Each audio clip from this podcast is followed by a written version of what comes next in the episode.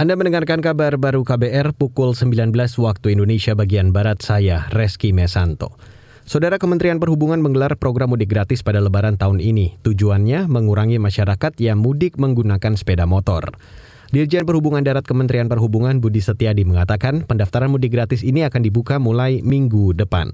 Tujuannya karena memang anggaran tidak terlalu besar, jadi kesiapan juga kita mungkin hanya satu bulan ini. Kita hanya mengarahnya ke Jawa Barat dengan ke Jawa Tengah. Memang sebagian besar ke Jawa Tengah karena hasil survei saja banyak perjalanan masyarakat yang ke arah Jawa Tengah. Kemudian menyangkut masalah waktunya, itu sekitar antara tanggal 27, 28 dengan 29 dan kemudian mekanismenya bagaimana? Mulai minggu depan pendaftarannya bisa menggunakan online atau kemudian juga bisa menggunakan secara pengisian data secara manual. Budi Setiadi menambahkan, Kementerian Perhubungan menyiapkan anggaran 10 miliar rupiah untuk kuota 10 ribu pemudik untuk program mudik gratis tahun ini. Beralih ke berita selanjutnya, saudara, dua rumah rusak diterjang segerombolan kawanan gajah liar di Dusun Nusantara, Kampung Negeri Antara, Kabupaten Bener Meriah, Aceh. Kepala Balai Konservasi Sumber Daya Alam atau BKSDA Aceh, Agus Arianto mengatakan, telah menurunkan tim dan ahli hewan untuk menggiring gajah liar menjauh dari pemukiman warga. Dan tersisa tiga ekor gajah di dalam fencing yang kita bangun ya. Hmm. Kelompok besarnya sudah kita berhasil keluarkan dan kita masih uh, mempersiapkan peralatan untuk melakukan translokasi hmm. waktu dekat ini.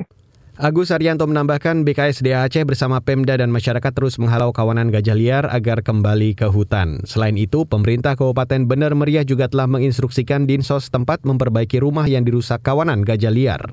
Saudara ganda putra Indonesia Fajar Alfian dan Muhammad Rian Ardianto mengalahkan pasangan ganda putra Malaysia Ong Sin dan Theo Yi di laga perempat final Korea Terbuka 2022 hari ini.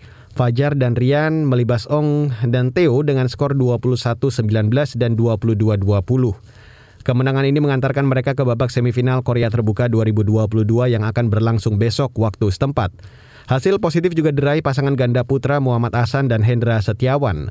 Hasan dan Hendra mengalahkan ganda tuan rumah Choi Sol-gyu dan Kim Won-ho dua set langsung.